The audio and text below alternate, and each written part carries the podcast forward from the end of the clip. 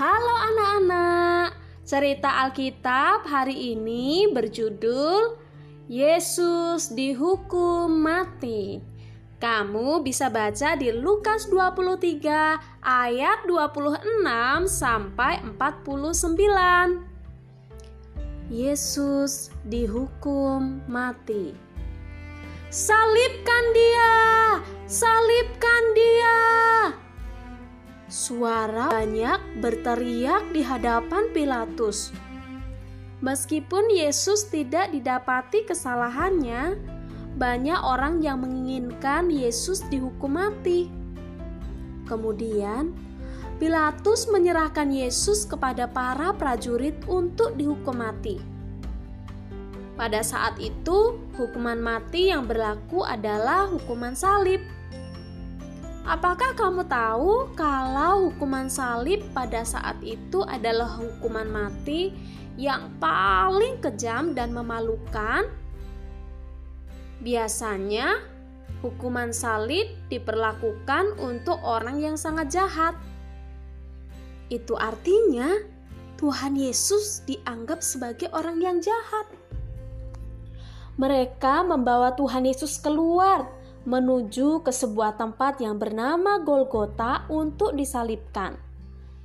Di tengah jalan, mereka berjumpa dengan seorang laki-laki bernama Simon yang berasal dari Kirene.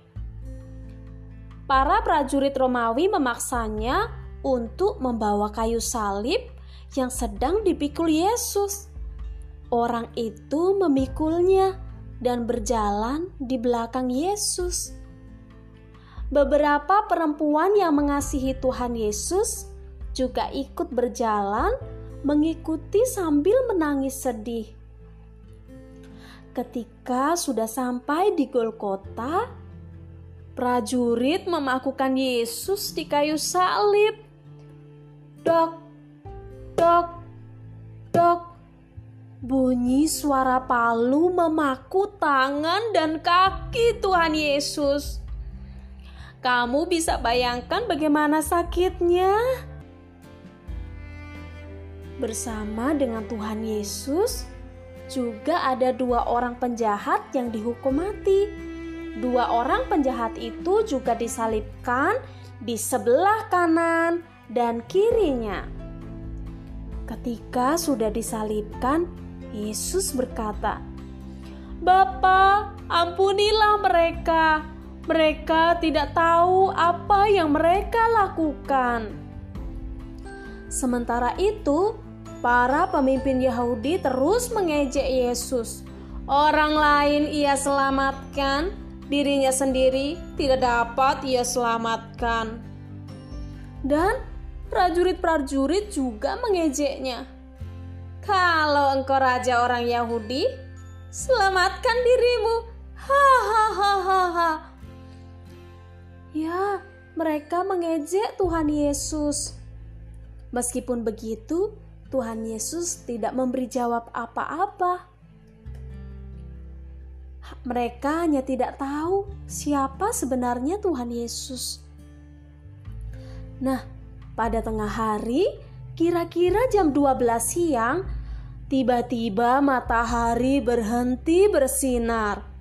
Seluruh negeri menjadi gelap hingga jam 3 sore. Kain gorden di dalam rumah Tuhan juga robek menjadi dua. Pada saat itu, Tuhan Yesus berseru, "Bapa, Aku menyerahkan diriku kepadamu. Terimalah aku. Anak-anak, Tuhan Yesus dihukum mati sebagai orang yang tidak bersalah. Ia telah menyerahkan dirinya sebagai ganti hukuman kita. Darahnya yang tercurah di atas kayu salib menghapuskan dosa-dosa kita. Yesus rela menderita untuk menebus kita dari maut, supaya kita hidup. Nah, maukah kamu memberikan hidupmu buat Tuhan Yesus yang sudah mati untuk kamu? Bagaimana caranya? Kamu bisa menjadi saksinya, menjadi saksi Tuhan Yesus untuk menceritakan kebaikan dan kebenaran Tuhan. Tuhan Yesuslah juru selamat. Seperti yang dikatakan oleh 2 Korintus 5 ayat 21. Dia yang tidak mengenal dosa telah dibuatnya menjadi dosa karena kita, supaya dalam Dia kita dibenarkan oleh Allah. Kita dibenarkan oleh Tuhan Yesus. Kematian Tuhan Yesus membenarkan hidup kita, supaya kita tidak lagi hidup di dalam dosa. Yuk, sekarang belajar bersaksi ya. Katakanlah kepada orang-orang di sekitarmu, Tuhan Yesus hebat. Tuhan Yesus juru selamat.